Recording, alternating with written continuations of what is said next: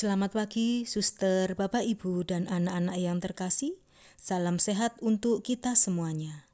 Sebelum kita mendengarkan sabda Tuhan, marilah kita berdoa. Dalam nama Bapa dan Putra dan Roh Kudus. Amin. Puji syukur kehadiratmu ya Bapa atas hari baru ini. Mampukanlah kami untuk mendengarkan sabdamu dan menjalankan perintah-perintahmu. Amin. Inilah Injil Yesus Kristus menurut Lukas. Dimuliakanlah Tuhan. Pada waktu Yesus sudah dekat Yerusalem, orang menyangka bahwa kerajaan Allah akan segera tampak. Maka Yesus berkata, "Ada seorang bangsawan berangkat ke negeri yang jauh untuk dinobatkan menjadi raja. Sesudah itu, baru ia akan kembali."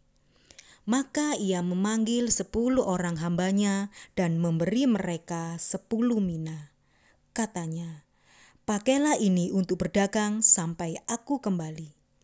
Akan tetapi, orang-orang sebangsanya membenci dia, lalu mengirimkan utusan menyusul dia untuk mengatakan, "Kami tidak mau orang ini menjadi raja atas kami."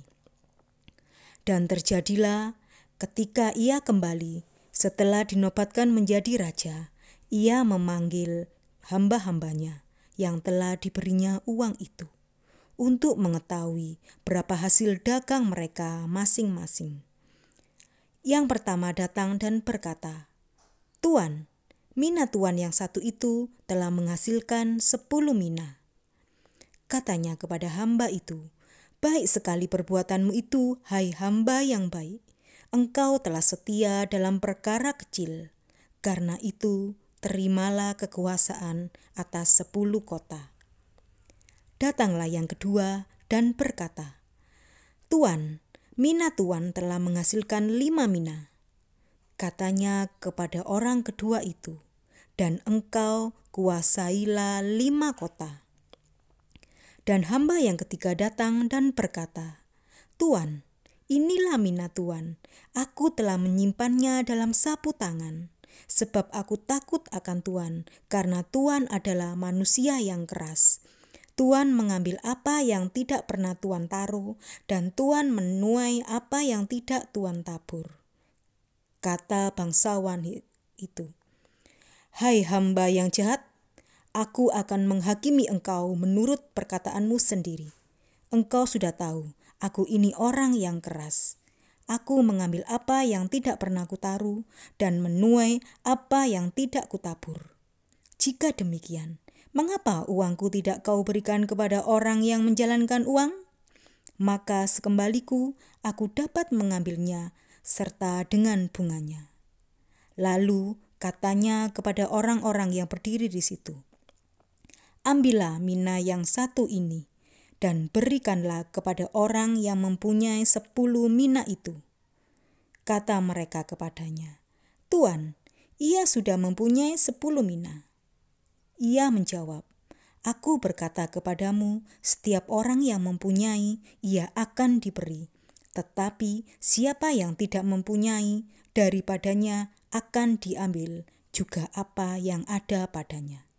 Akan tetapi, semua seteruku ini yang tidak suka aku menjadi rajanya, bawalah mereka kemari dan bunuhlah mereka di depan mataku.